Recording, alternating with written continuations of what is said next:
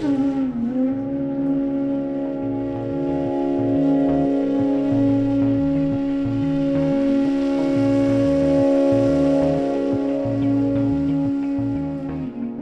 günlər gözəl bir mənzərəli yerdə oturmuşduq və yemək falan yeyirdik.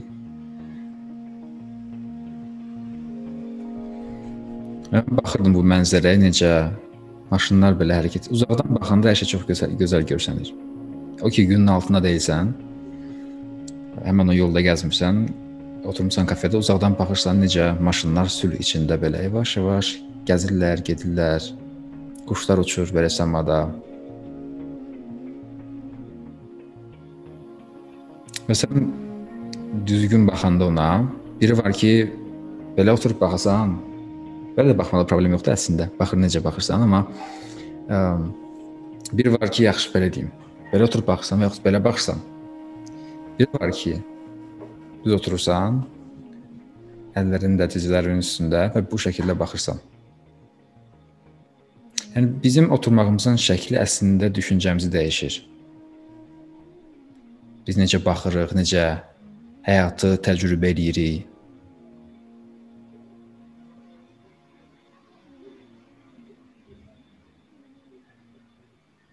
Sən divanda əyilib qulaq asan məsələn bu söhbətlərə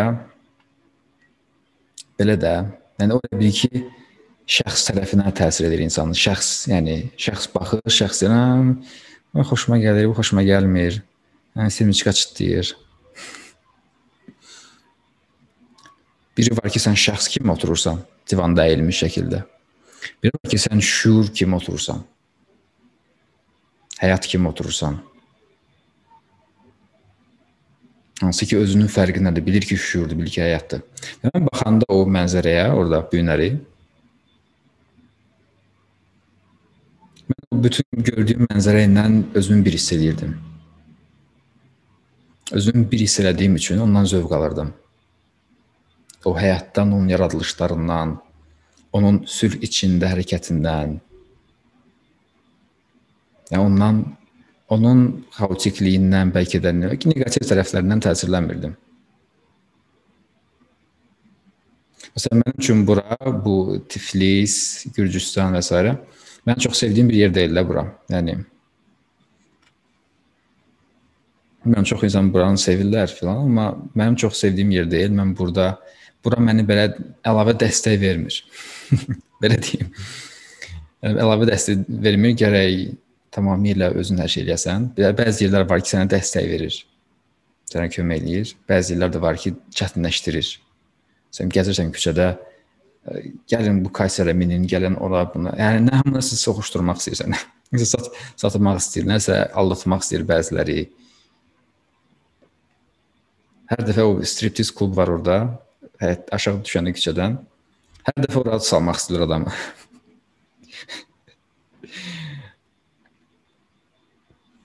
Niyəsə, yəni o da ki şeydə tərəddüdə pul tələsidir.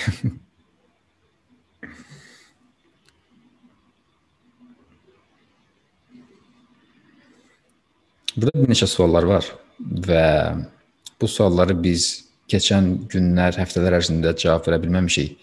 Çünki çox idi. Əgər ə, etirazınız yoxdursa, keçək suallara baxaq görək. Ə, publikamızdan, tamaşaçılardan gələn suallar hansılardır? İnsanlarımızı nə maraqlandırır? Birinci gözümüzə yazmısınız bura. Hikmət deyir, salam Fərdi canımız, salam, Hikmət necəsən? Salam Fərdi abi, Azərbaycana gəlmək var planda, tam hələ ki yox, inşallah. İnşallah yaxın zamanda. Tanrı bizim gözlərimiz vasitəsilə özünün gözəlliyini müşahidə edir. Hə.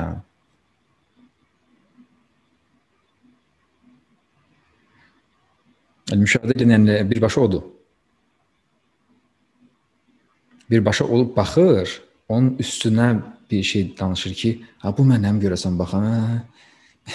o nəsə şübhə edən var onun üstündə belə ki, mənəm baxan yoxsa Tanrı da baxan. O söhbəti kənara qoysan və salam, bir dənə o qalır. Nə? Bir dənə o qalır, o baxır. O təcrübə edir hər şeyi. Başqa cür mümkün deyil çünki bir dənə həyat var da. Mən Berlində oturmuşdum parkda və və çox yaxşı oturmuşdum da. çox gözəl oturmuşdum və gözəl də bir mənzərə var idi. Orada da adamlar oturub belə 2 nəfər, 3 nəfər, belə çox adam yox idi. Belə 2-3 nəfər oturublar. Çox gözəl bir mənzərədir və mən də baxıram günəş, ağaclar, yaşıllıq, quşlar oxuyurlar, uçurlar, səma mavi. Yəni heç bir bulud da yoxdur, tərtəmiz. Və mən də bayaqlarım izah etdiyim kimi oturmuşam və o şəkildə baxıram. Və, və açıq aydın görürsən ki, bir, bir dənə həyat var və hər bir şey də o həyatdır. O insanlar da və bu şəkildə baxanda sən təbii olaraq onların qayğısına qalmaq istəyirsən. Çünki hamısı sənsən. Onların hər biri sənsən. Daha belə primitiv desəm, elə ki, sənin uşaqların hamısı. Hı? həyatın uşaqları da hamısı, bütün ham bütün insanlar, varlıqlar, canlılar hamısı onun yaradılışları, onun uşaqları, onun özüdür eyni zamanda. Bu şəkildə baxanda sən təbii olaraq istəyirsən onların qayğısına qalsan. Sən ki, mən nə bilərəm bunlar üçün? bu şirin, şirin adamlar üçün mən nə bilərəm? Onda bax bu Bodhicitta deyirlər.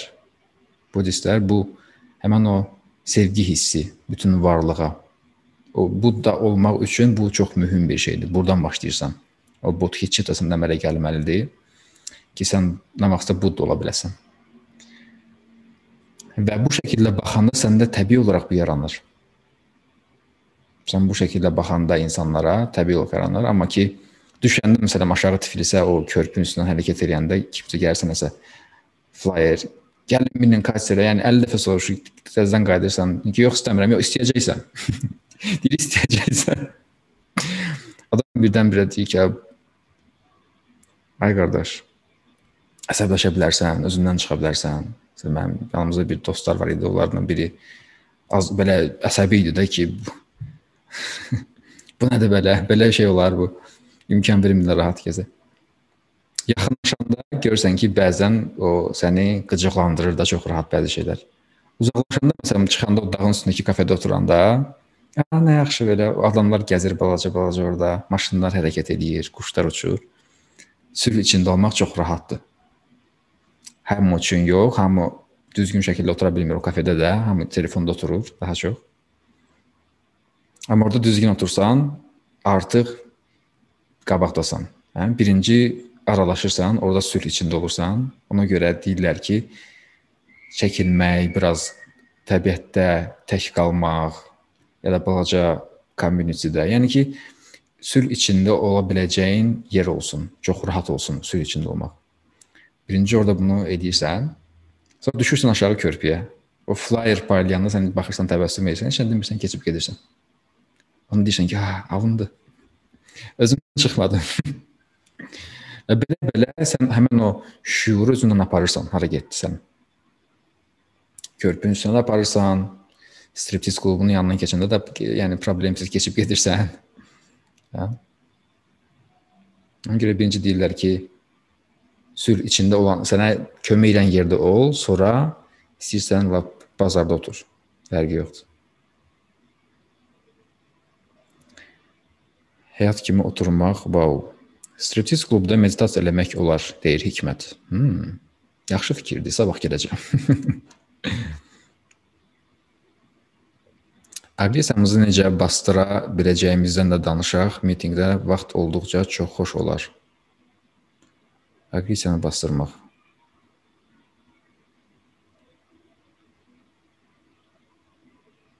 Və aqressiya müəyyən dərəcə müəyyən dərəcədə adama kömək edir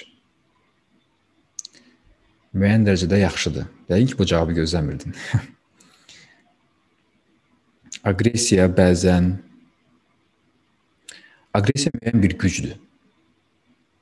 Müəyyən bir gücdür və bəzən insanın həyatında dəyişiklik üçün aqressiya ehtiyac olur. Kimdə ki aqressiya olmur, o dəyişiklik elə bilmir. və lazım olan dəyişikliklər eləyə bilmir. Məsələn, hətta deyilir ki, körpələrdə belə müəyyən qədər aqressiya var ki, o ananın ə, döşündən yapışıb oradan süd əmə bilsin. Orada müəyyən bir aqressiya onu tutur, yapışır. Hə? Və bizim həyatımızda da məsələn terapiyada belə bir şey var ki, hətta bəzən terapevt ə, öz ə, pasiyentini əsəbləşdirir qəsdən. Onu da aqressiyanı oyadır. Sən deyək ki, kimdirsə öz ailəsində bir problem var, həmişə onun haqqını yeyirlər. Həmişə onun haqsızlıq eləyirlər, həmişə belə qapaz vururlar ki, sənsən də get onu elə, bunu elə, bu cür davranırlar, hə? Belə adamlar var və onlar gəlirlər, ağlayırlar terapeutə ki, bu mən nə edeyim? Onun əsəbləşdirir ki, sən bu nədir belə filan ki, onun aqressiya artsın. Aqressiya artsın, o gəlsin evə desin ki, bir sənə var. Bu mənim haqqımdır və bu düzgün hərəkət deyil və s. Hə, öz cəsur olmaq üçün bəzən aqressiya ehtiyac olur. Amma bəzən bu aqressiya, məsələn, məsələn biz taksidə gəlib günləri gedirdik. taksidə gedirik. Bu adresdə birinci dəfə taksi gələndə, burada qəribə taksistlər bir birinci dəfə də eşidirlər səndən küçənin adını, nə bilim, restoranın adını və yaxud evin Yəni elə bir ki, burada mən yaşayıram, onlar yox. Adam taksist özdə. Nəsə gətirir, gətirə bilmir tapa bilmir. Şəhəri gəzirik 2 saat, ondan soruşur, bundan soruşur, xalam onu başqa yerə göndərir, dayday başqa yerə göndərir. İndi bu taksiyə minmişik, bu gələndə bu dili ki mən bilirəm. Biz sevindik ki, bu bilir də, yəni bilən taksist. Bugün bilirəm bu küçədir, falan o nə bilim, falan yerin yanındadır. Və biz dedik ki, nə yaxşı bilmirlər burada. Biz dedik ki, yəni Ki, necə bilmirlər? Necə əsəbləşdi yəni adam. Başladı üstümüzə qışqırmağa ki, bu necə bilmirlər belə şeyi. Və biz də biraz şey olduq da, yəni təsirləndik ki, yəni bu qədər aqressiyaya ehtiyac yoxdur. Yəni bilmir, bilməyib də, yəni. Və burada görürsən ki, bu aqressiya artıq narahat edici səviyyəyə gəlib. Hə? Narahat edirsə adamı, hər şeyə qarşı aqressiv davranırsansa, qıcıqlanırsansa, bu deməkdir ki, podketçisini artırmaq lazımdır. Sevgini artırmaq lazımdır. Sevgini artıranda aqressiya təbii olaraq yumşalır. Və insan aqressiyanla əlləşməli deyilsən. Çox adam elə bilir ki, neqativ tərəfləri ilə isə işləməlidir, onu düzəltməlidir. Yox. Neqativ tərəfinə əl vurmursan, çox aqressiyan var, hə, aqressiyanı boş ver, sevgi ilə məşğul ol. Sevgini artır. İnsanlara xoşbəxtlik dilə. Dua elə, Gedəndə küçədə bir-bir seç gözündən insanlara xoşbəxtlik istə, onları təsəvvür elə xoşbəxt şəkildə. Yəni ki, özün haqqında yox, başqalar haqqında düşün. Yəni bu sənin eqonu azaldır. Bu sənin aqressiyanı azaldır. Bu sənin ürəyi açmağa başlayır. Sən nə qədər bunu eləsən, o qədər inkişaf edirsən mənəvi olaraq. O qədər sənin ürəyin güclənir. Və buna verməyən insanlar çox böyük səhv edirlər. Mən buna çox mən də əvvəl önəm vermirdim. Mənim müəllimim olmasaydı, hansı ki məni belə çubuqla öyrətdi də, yəni ki mən məcbur qaldım. O mənə elə şeylər dedi ki, mən dedim ki, sən öyrət də mənə bunu. Çünki bunu mənə başqa heç kim deməmişdi həyatımda. O dedi ki, sən ancaq özü fikirləşirsən. Sənin ürəyin soyuqdur, ancaq özü fikirləşirsən, eqoistsən. Və bunu mən heç kim deməmişdi. Və mən onda gördüm ki, və o vaxtı mən bunları bilirdim, yəni. Mən birinci dəfə eşitmirdim bu söhbətləri, botiçita, nə bilim, sevgi, xoşbəxtlər, bunu mən eləyirdim. Yetərincə eləmirdim. Və ona qarşı davranışda bu özünü göstərirdi. Hə? O da ona görə bunu demişdi. Bu şəkildə olsa insan egoist olacaq, aqressiv olacaq, ürəyi soyuq olacaq? Tez-tez qıcıqlanacaq, ürəyi zəif olacaq da adamın. Yəni fiziki ürəkdən danışmıram. Energetik ürəkdən danışıram, hansı ki insanın mərkəzidir. Və bu o zəifləyəndə sən psixoloji olaraq zəifləyirsən. O zəifləyəndə sənin gücün olmur. Sənin inspirasiyan olmur həyat üçün. Amma o güclü olanda sən səndən sevgi fışqırır da, belə günəş kimi bir adam olursan və güclü olursan. Daxilində güclü olursan. Bunun da yolu xoşbəxtlik arzulamaqdır başqalarına, başqa bütün canlıların yaxşılığını istəməkdir, xoşbəxtliyini istəməkdir. Həmin o bayaqlarım dediyim baxışa sahib olmaq. Hardakı hamısı həyatın uşaqlarıdır. Sən də həyatsan, sən uşaqlarındır. Uşaqlara sahib çıx.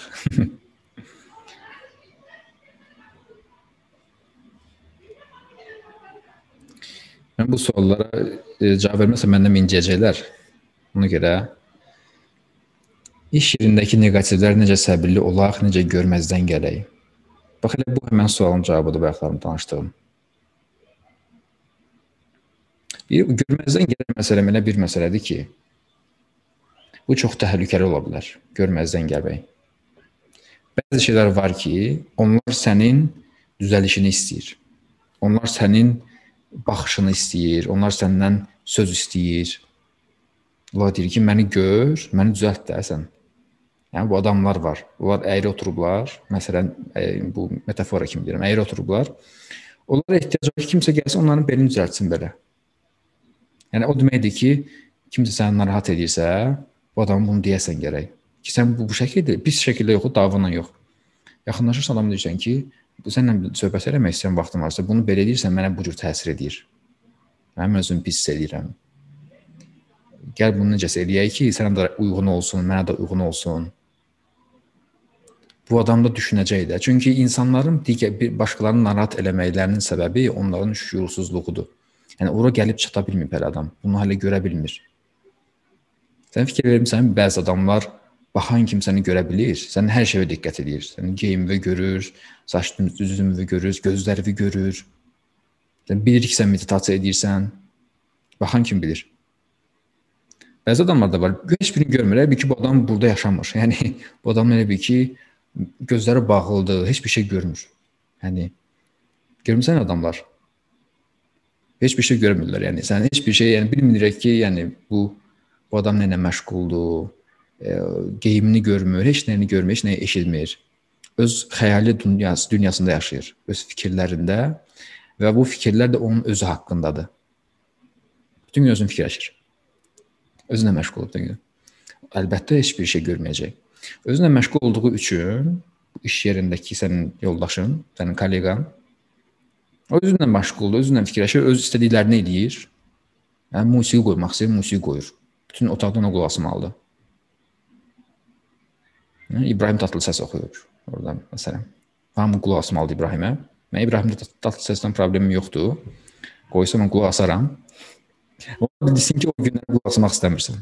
O bilsin ki, o günlər sakit durursan, oturmaq istəyirsən. Ona görə deyəsən adama. Çünki görmür. hər an deyilən gigiyena qaydalarına əməl eləməyən, amma hansı ki mən bütün gün eyni otaqdayam o insanla. Yəni, yerə deyəsən. Adamı yerə kömək edəsən. Yəni qaçmaqdan iyrənməkdən, "A, bu belədir." Ondansa adama kömək elə də. Onun köməyə ehtiyacı var yəqin ki, belə görünür.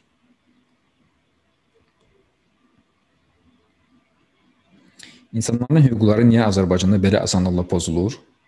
Məzuniyyət vaxtında işçini imtahana çağırmaq deyilən bir şey var. İmtahana çağırmaq.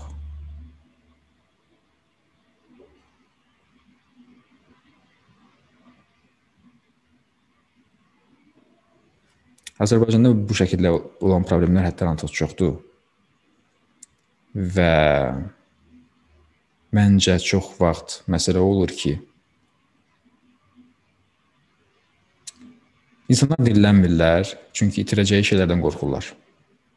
İtirəcəkləri şeyləri qorxduqları üçün onlardan bu qorxudan istifadə edən insanlarda heç bir şey dəyişmir. Ona görə də rahatlıqla hər şey, haqlar da pozulur, nə bilim, digər şeylər də pozulur. İnsanların keyfi də pozulur.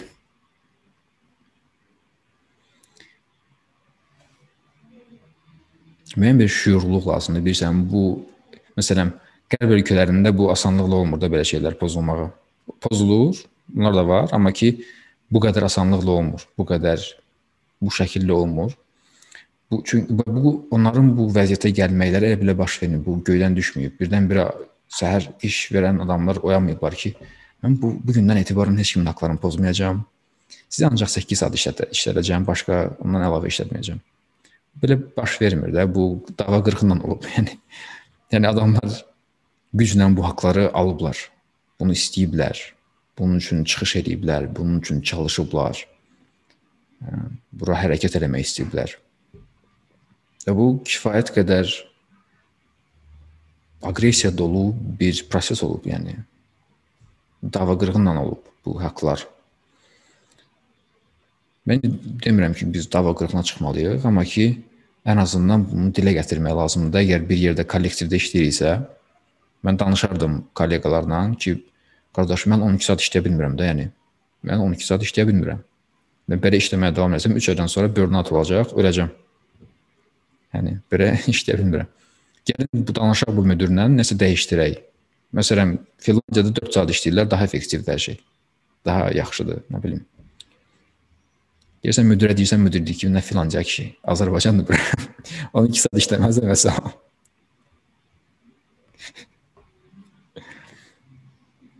Başa salmaq lazımdır necəsə. Ya çıxırsan o işdən, öz işini qurursan, nə bilim. Variantlardan çox variant var əslində. Təslimiyyəti necə öyrənək, təcrübə edək. Çox rahat. Və oturmusan. Oturmağın fərqinə vara bilərsən indi çox rahat. Bədən necə necə oturub və görə bilərsən ki, məsələn, bədən öz ə, onurğa sütununun üzərində dayanıb. Əgər bədəndə heç bir problem yoxdursa, sağlamsansa, yəni heç bir söykənməyib, bədən öz onurğa sütununun üstündə belə rahatca belə dayanıb bu şəkildə. Elə bil ki, tam belə balans bir nöqtəsi var, orada tərpənmir. Tam dayanıb belə düppədüz. Rahat şəkildə. Və necə nəfəs dolur, boşalır, bədən genişlənir və yığılır. Bunun fərqinə vara bilərsən. Necə bədən genişlənir və yığılır. Nəfəslə. Necə görməyə baş verir. Öz-özünə baş verir, hə? Necə görməyin baş verir? Necə eşitməyin baş verir? Uzaqdan səslər gəlirsən qulağa çatır. Sən diqqət ayır ora bu gör eşitmə prosesinə. Sən görürsən ki, sən bunun üçün heç bir şey eləmirsən, yox? Sən var olmağa bax. Həyatdasan indi, yaşayırsan. Bəs bu yaşamaq üçün bəs indi nəsə edirsən?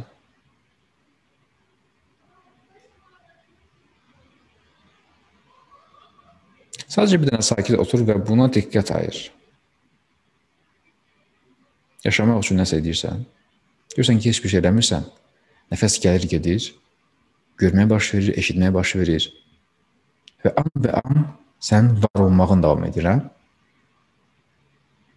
bu an və an davamiyyəti izləyə bilirsən və bu çox önəmlidir bu. An və an davam edən var oluşu necə belə yağ kimi axır. Hətta saatın hərəkət eləməyi belə çox kobuddur. O belə saatsız filansız belə yağ kimi belə gedir.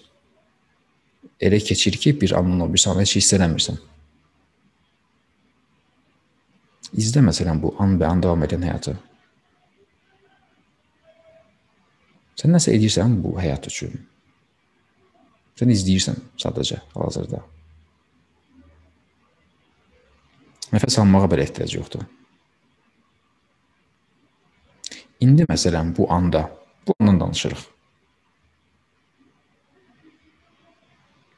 Tamamilə təslim ola bilərsən həyata.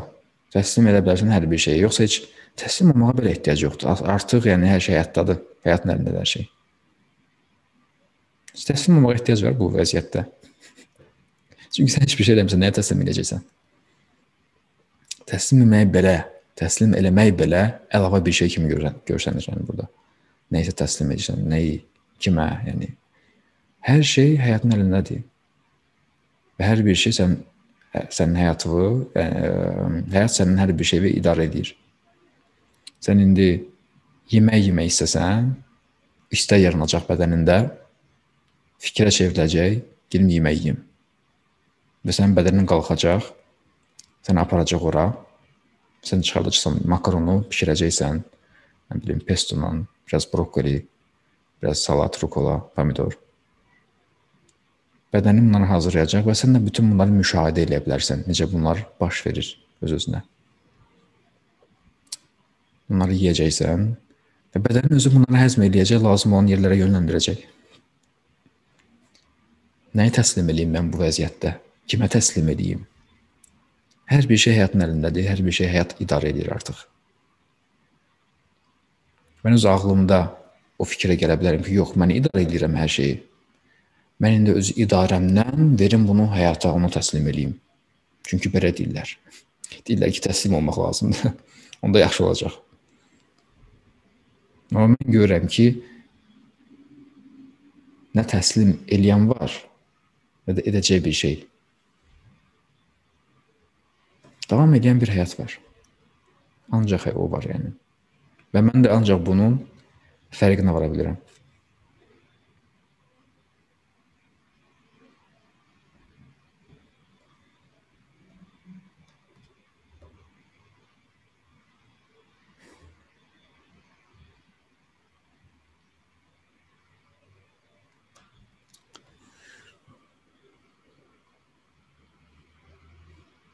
Siz nə fikirləşirsiniz bu haqda?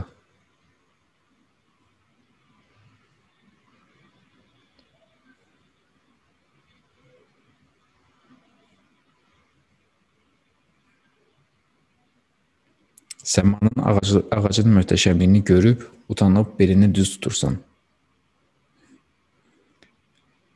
Tək detoks edirsiniz, ümumiyyətlə aran, aranlamaq üçün telefondan aralanmaq yəqin ki. Ha, tək detoks bu yeni bir belə termindir deyəsən. Yəni telefondan istifadə etməmək, internetə girməmək,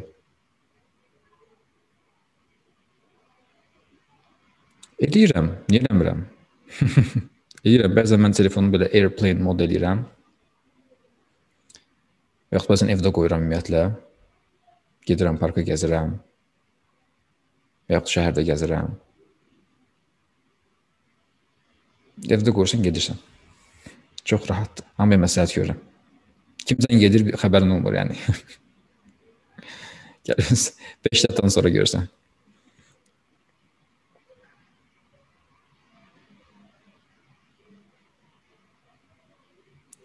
Danışana meydan oxuma coachinqdə deyilir. İlk dəfədir ki, aqressiya haqqında bu tərz fikirlərlə qarşılaşıram. Çox xoş oldu.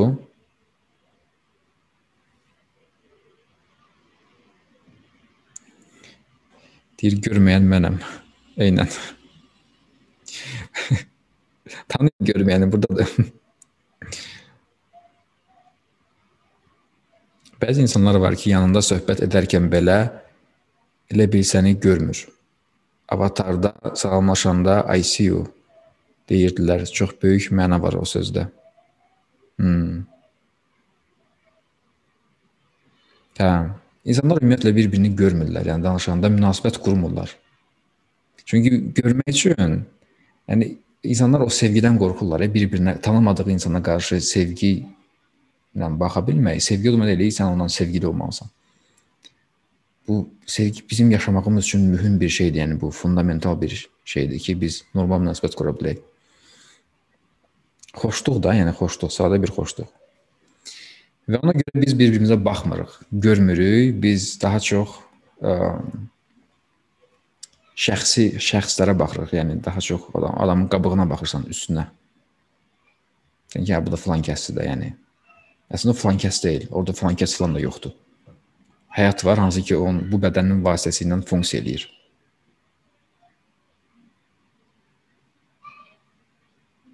Amma orada müəyyən bir qarışıqlıq yaranıb. O elə bilir ki, o falan kəsdir, elə bilir ki, onun adı Anardır və Anar kimi davranmağa başlayır. Məsələn, hə, eşidirəm, belə başa düşdüm, hə. Yəni belə məsələn rol oynayır da, başa düşürsən. Yəni həyat anar rolu oynayır, anar olmaq rolu. Mən də ona inanıram. Mən də ona qarşı anar kimi davranıram. Yəni anar nə oldu məsələ? Həll elə də bunu. Və belə anarla fərdi arasında bir nəsə bir şey var, heç bir də yoxdur əslində. Nə fərdi var, nə anar var. İki bədənin daxilində olan həyat var və bu həyat müxtəlif şeylər edir. Danışır, gəzir və s. Və bu Realizasiya da odur ki, sən bunun fərqinə varasan. Fərqinə varasan ki, əslində o mənlik, fərdi və yaxud şəxs elə bir şey yoxdur. Adsız bir həyat var. Bədənin içindən özünü təcrübə eləyir. Başqa şeylərə baxır və s.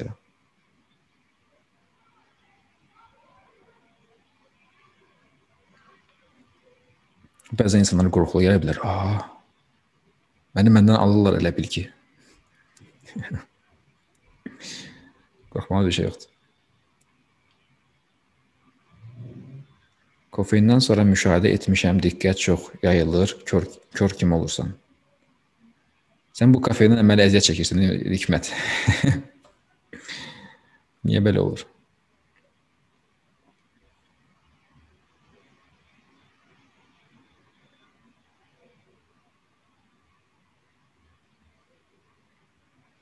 Fərdi bir dəfə əsəblə bağlı danışanda qayıqda gedən adamın kiçik hekayəsini danışmışdın bizə. Uyğun olanda bir də danışarsan.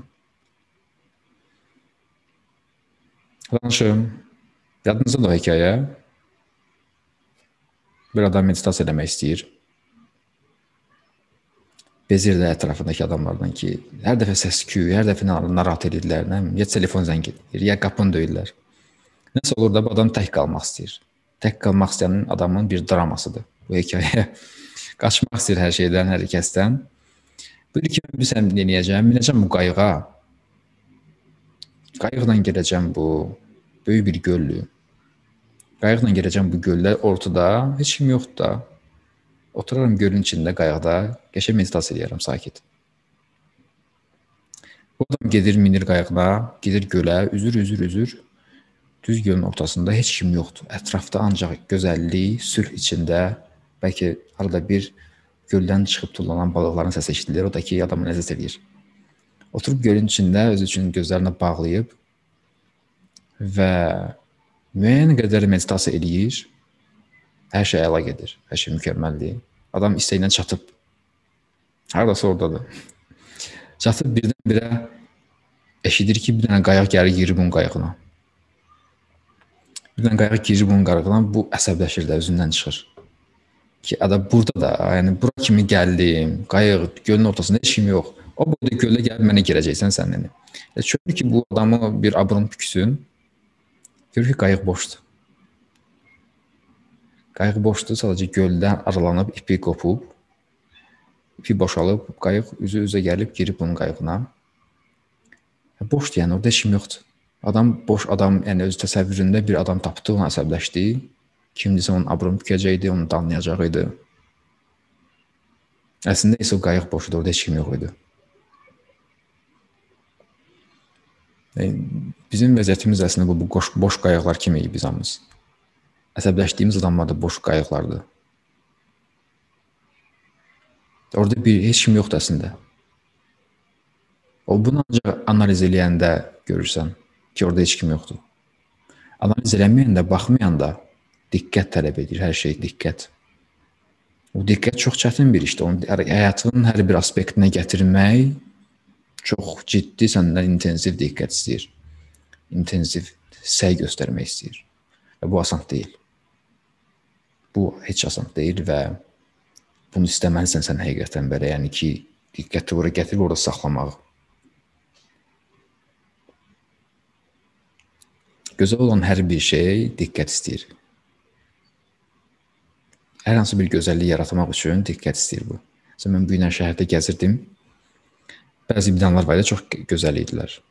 Məsələn, kilsələrin dairəvi şəkildə çox gözəl, xoşuma gəldi. Və baxıram və görürəm ki, bunu gözəl eləmək üçün nə qədər diqqət tələb olunub insandan. Qayğı və diqqət ki, onunla məşğul olsun ki, o gözəl olsun. Mən o diqqəti verməsəm, bu gözəl olmayacaq, elə deyil? Necə gəldi? Və həyat da olacaq necə gəldi? Və də yola verdi, necə gəldi? Yəni gözəl şəkildə yaşamaq istəyirəmsə, mən gərək diqqətim artsın. Bu da insanın səy göstərmək istəyir. Diqqət üçün.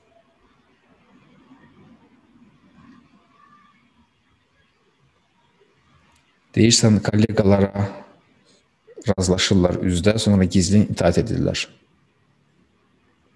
Bayaqki iş məsələsidir. Bəli. Görürsən, insanlar belə davranırlar.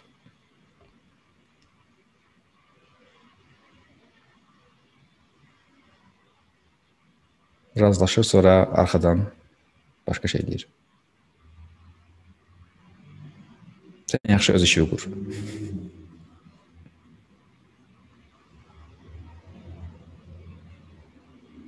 Məncə təslim olmaq suyun axınına qarşı deyil, axınla davam etməkdir.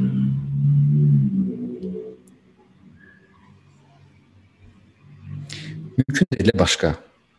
Axına qarşı üzmək heç mümkündür ki, yəni həyat aparır adamı Ancaq ağlımızda bizim müəyyən bir dramamız ola bilər. Müəyyən bir drama yarada bilərik ki, mən istəmirəm bu olsun. Müəyyən bir qarşı durma, müəyyən bir ə, istəmirsən də yox deyirsən nəyisə, hansı bir prosesə. Hə demirsən, yox deyirsən.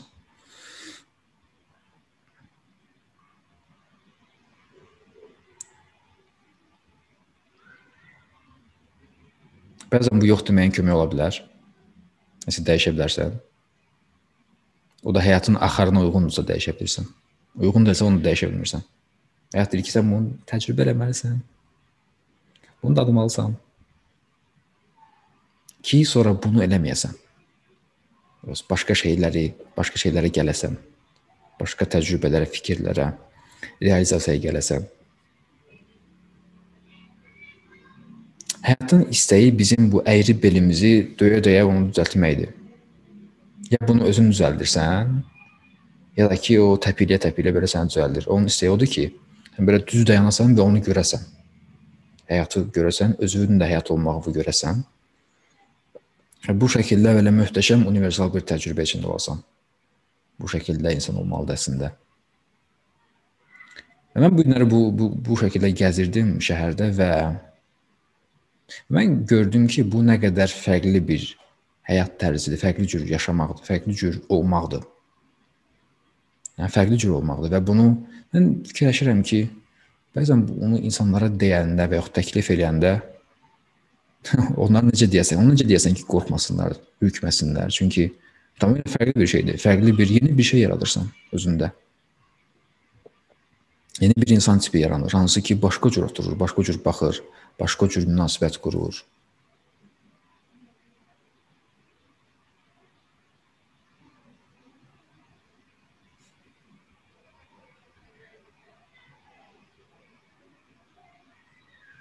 Və bu dünyada, bu şəkildəki dünyada, bu şəkildəki dost tanışla onu yaratmaq çətindir, asan deyil.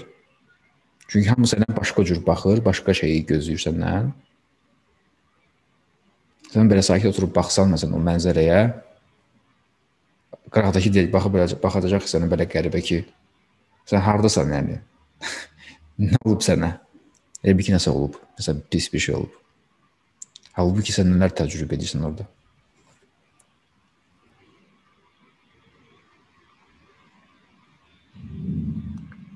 Xoşbəxtlik haqqında. Nədir xoşbəxtlik? Bunu siz deyin. Bilirsiniz də bunu? Yox? Nədir xoşbəxtlik?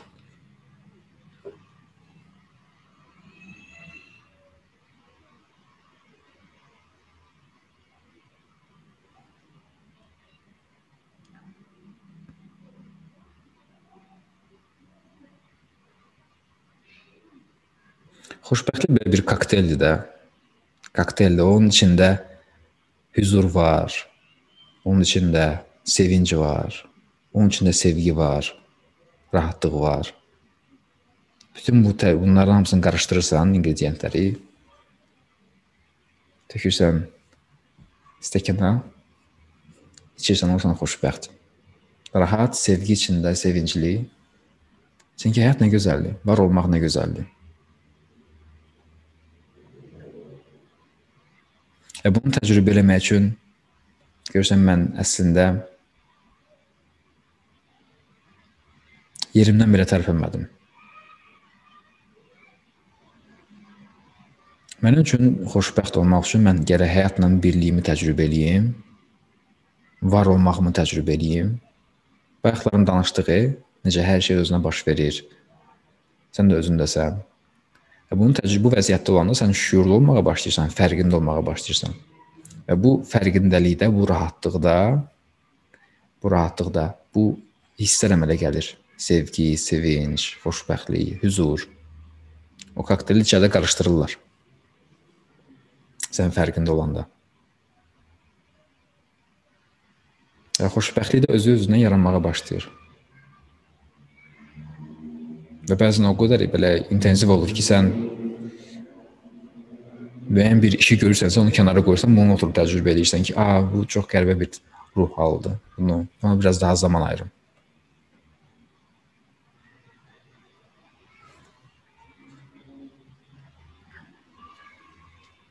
Dünyanı tərk etmiş yaxınlarımızla nə vaxtsa görüşə biləcəyik.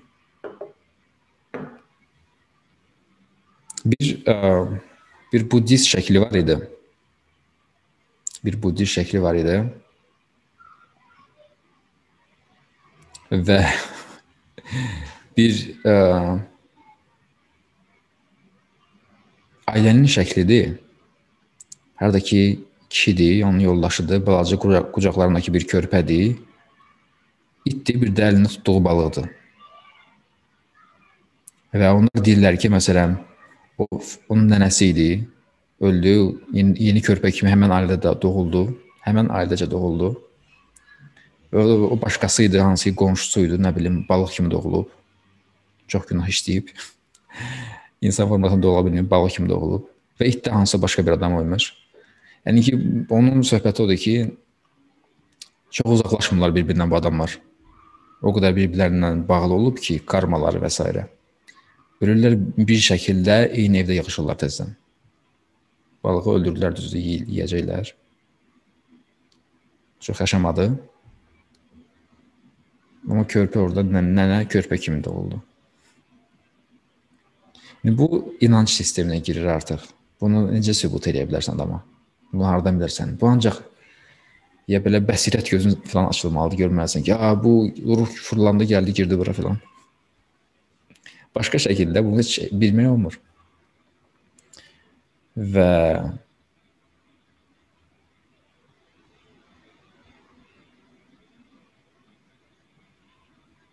var ya belə hekayələr var yəni. Necə görüşürlər, başqa, nə bilim, başqa başqa bir dünyada, başqa vəziyyətdə falan. Onların hamısı səndən inancı tələb edir ki, sən görmədiyin şeyə, bilmədiyin şeyə deyəsən ki, hə, bu falan adam yəqin düz deyir.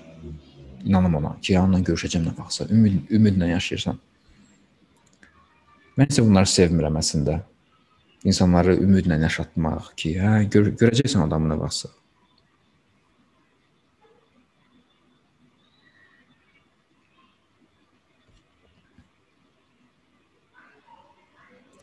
Mən deyərdim ki, sən adamı hər yerdə görəsən. Sevdiyin bir adamdırsa, açılan çiçəkdə görəsən. Onun üstünə qonan arıda görəsən. Rəqs eləyən, küləklə rəqs edən ağaclarda görəsən. Günəşə baxanda, səmaya baxanda orada görəsən, quşlarda görəsən.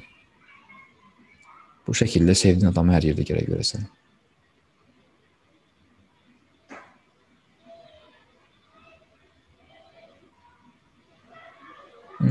Eşitmisən Krishna, Radhi.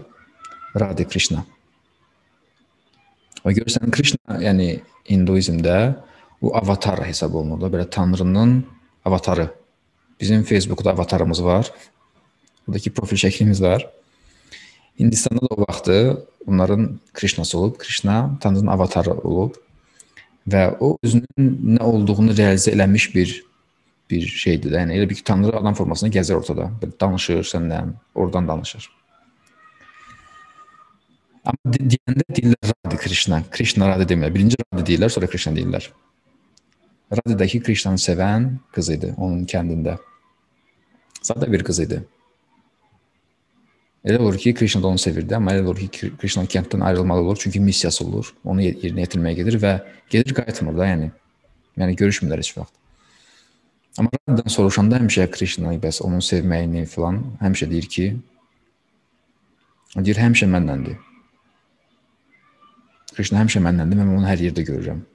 Və yaxud dediyim kimi o çiçəklərdə görürəm, o ar arılar gəlir, məsələn deyir ki, "Hə Krishna yenə gəlmisən bura." Hər yerdə onu görür, hər hər şeydə onu görür. Və ona görə onun sevgisini insanlar qibtələməyə başlayıb. Bu şəkildə sevə bilmək, bu şəkildə.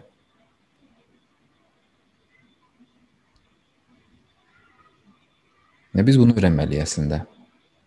Yapışmaqdansa.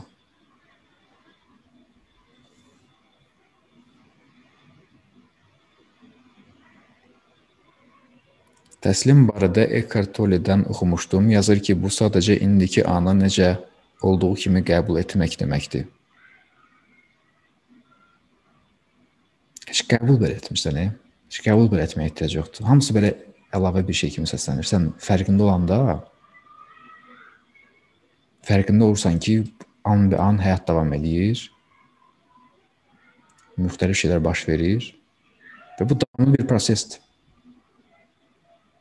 mən çıxım ortaya, düşüm ortaya ki, amma bunu qəbul edirəm. Əlavə bir şeydir də yox. Yəni lazımsız bir şey kimi görsənir. Baş verir də onsuz da. Mən də fərqində ola bilərəm sakitcə. Daha gözəl.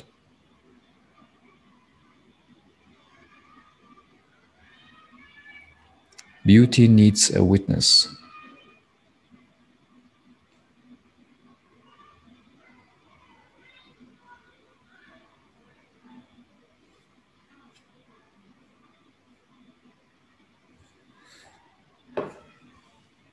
Hemen görün burada suallar var mı?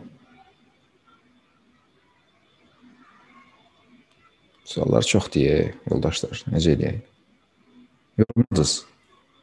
Yoruldunuz? 5 dəqiqədən sonra keçək meditasiyaya. Nə deyirsiniz? Əla. Self-control.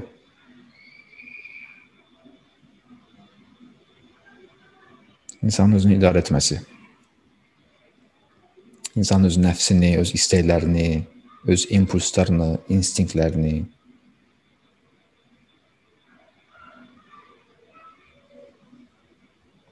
çətindir. Bunu eləmək çətindir deyil. İnsan öz məsələn instinktləri idarə edə bilmirsən. Müəyyən şeylərin üzərində idarəmiz var, kontrolumuz var, müəyyən şeylərin üzərində yoxdur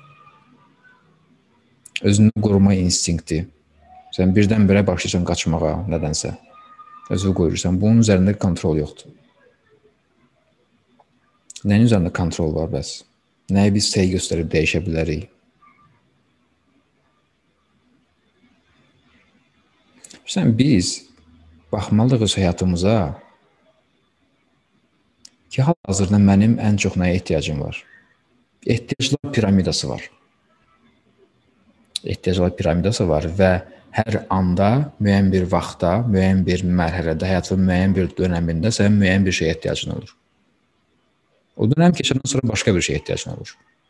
Və biz baxmalıyıq ki, o dönəmdə bizim nəyə ehtiyacımız var və o gərək o ehtiyacı qarşılayaq.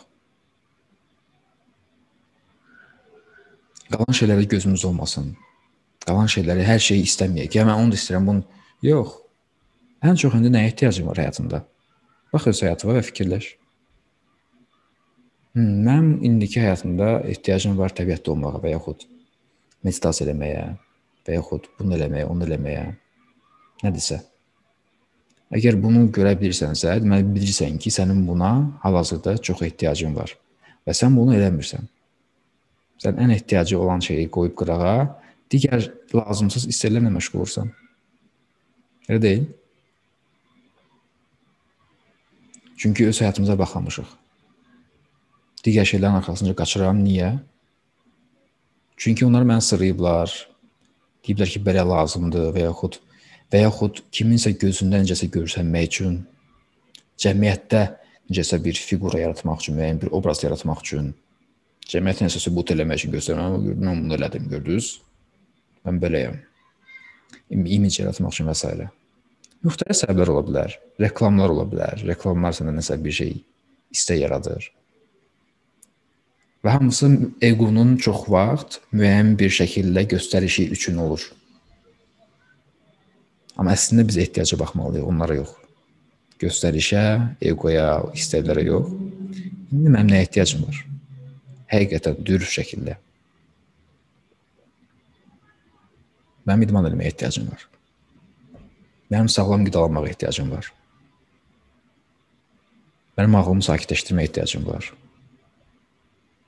Mənim işimi dəyişməyə ehtiyacım var. Mənim bu insanlardan ayrılmağa ehtiyacım var və s.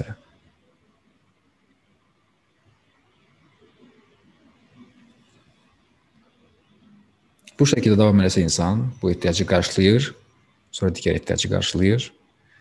Bu yaxşı həyatdır. Və orada self control, özünü kontrol etmək məsələsi həll olunur əslində.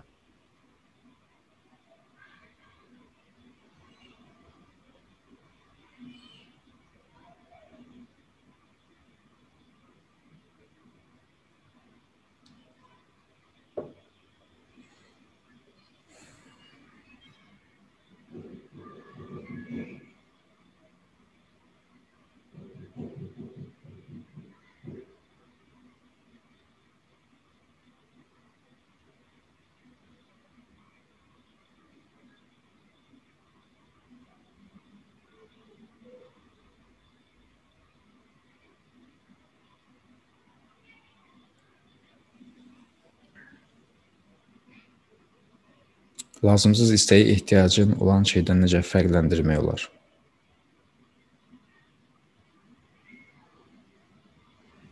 Bunu bilmək çox çətindir ki, yəni mənim nəyə ehtiyacım var hazırda?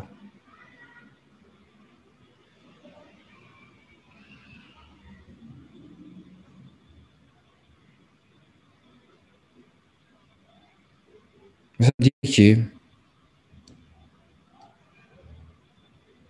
Deyək ki, mənim Hindistana getməyə ehtiyacım var. Mən mənim ehtiyacım deyək ki, hə? Məsələn, məsələn deyirəm. Gedib mən orada müəllimlə görüşməliyəm, hə? Mən getməliyəm, Himalaya dağlarında müəllimimlə görüşməliyəm. Mənim buna həqiqətən ehtiyacım var. Digər tərəfdən mənim istəyim var gedim Baliyə. Gedim İndoneziyaya. Çünki dilə çox qəşəngdir. Gedim şirlənim özüm üçün orada ləzzətli keyf edeyim. Ehtiyacdır Baliyə getməyə? Yox, ehtiyac deyil.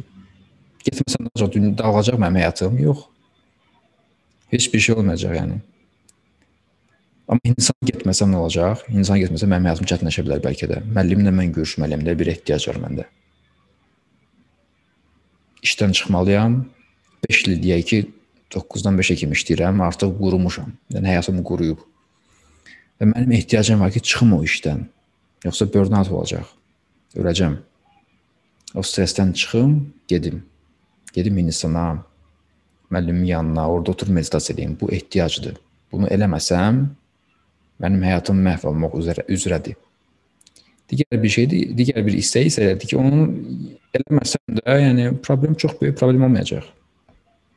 Deməli bu əlavə istəkdir.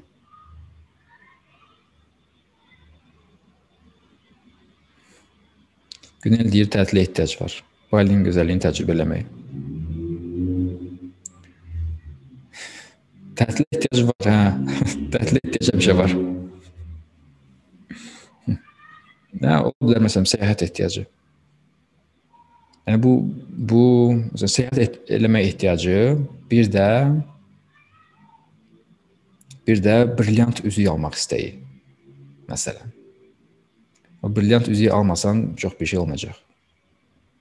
Amma səyahət eləməsən stressdən bəlkə də xəstələnəcəksən. Məsələn.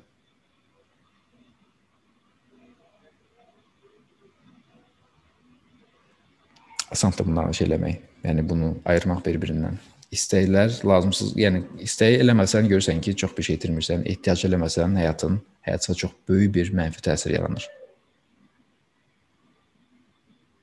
İndi isə gəlin düz oturaq. Düz danışaq.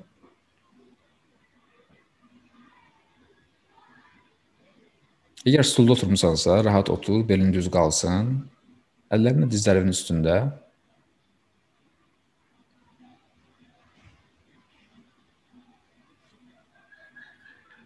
Bədənin çox rahat şəkildə onurğa sütununun üzərində dayanıb. Və sən nəfəsinin fərqindəsən.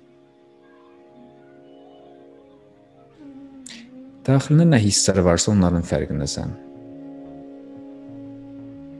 Heç bir şey etmədən, heç bir şey demədən. Heç bir şərhə ehtiyac yoxdur. Sadəcə fərqindəyik.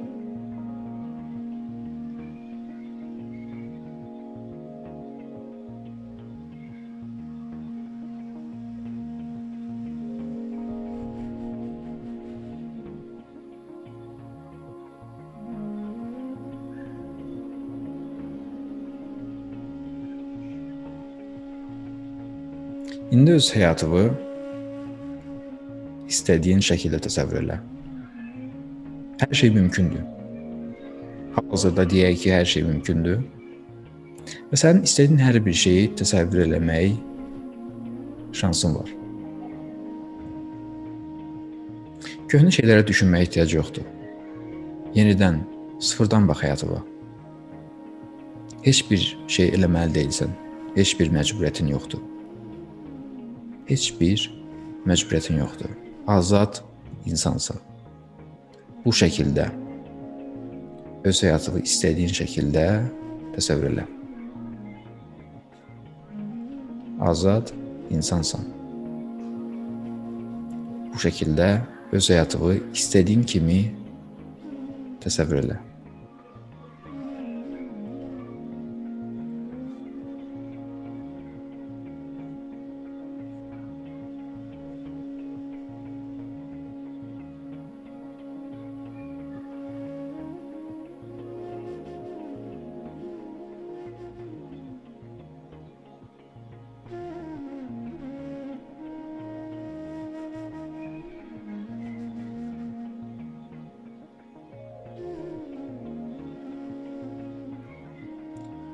İstədiyin kimisən.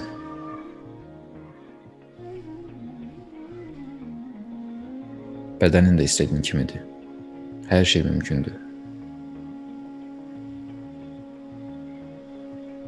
Özünü istədiyin kimi hiss edirsən. İstədiyin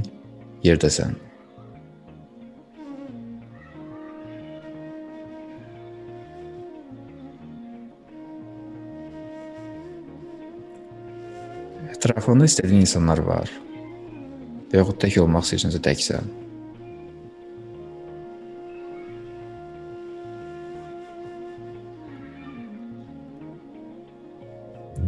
Həyatını tamamilə istədiyin kimi təsəvvür edirsən.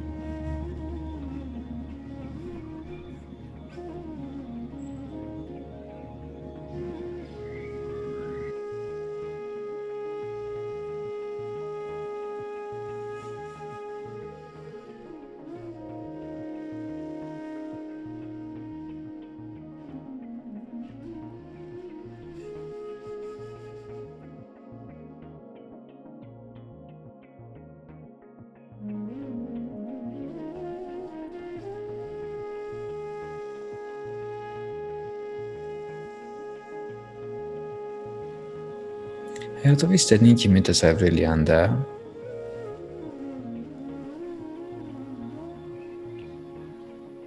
sənə müəyyən hisslər yarana bilər. Azadlıq hissi, xoşluq hissi, xoşbəxtlik hissi.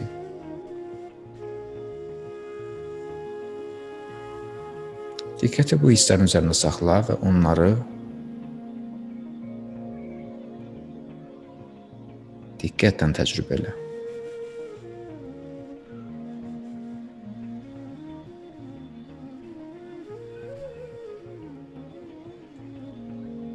Rahatlaş və izin ver bu hisslər yayılsın.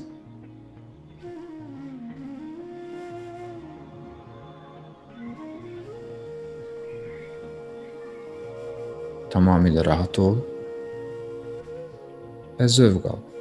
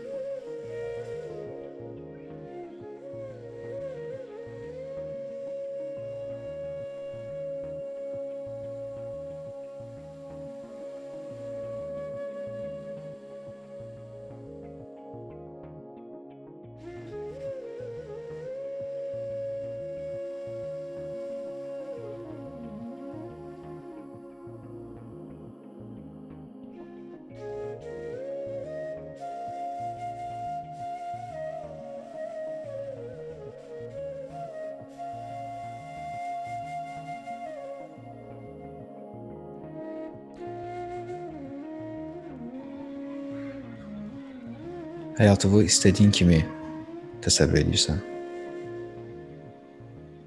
Hər şey istədiyin kimidir.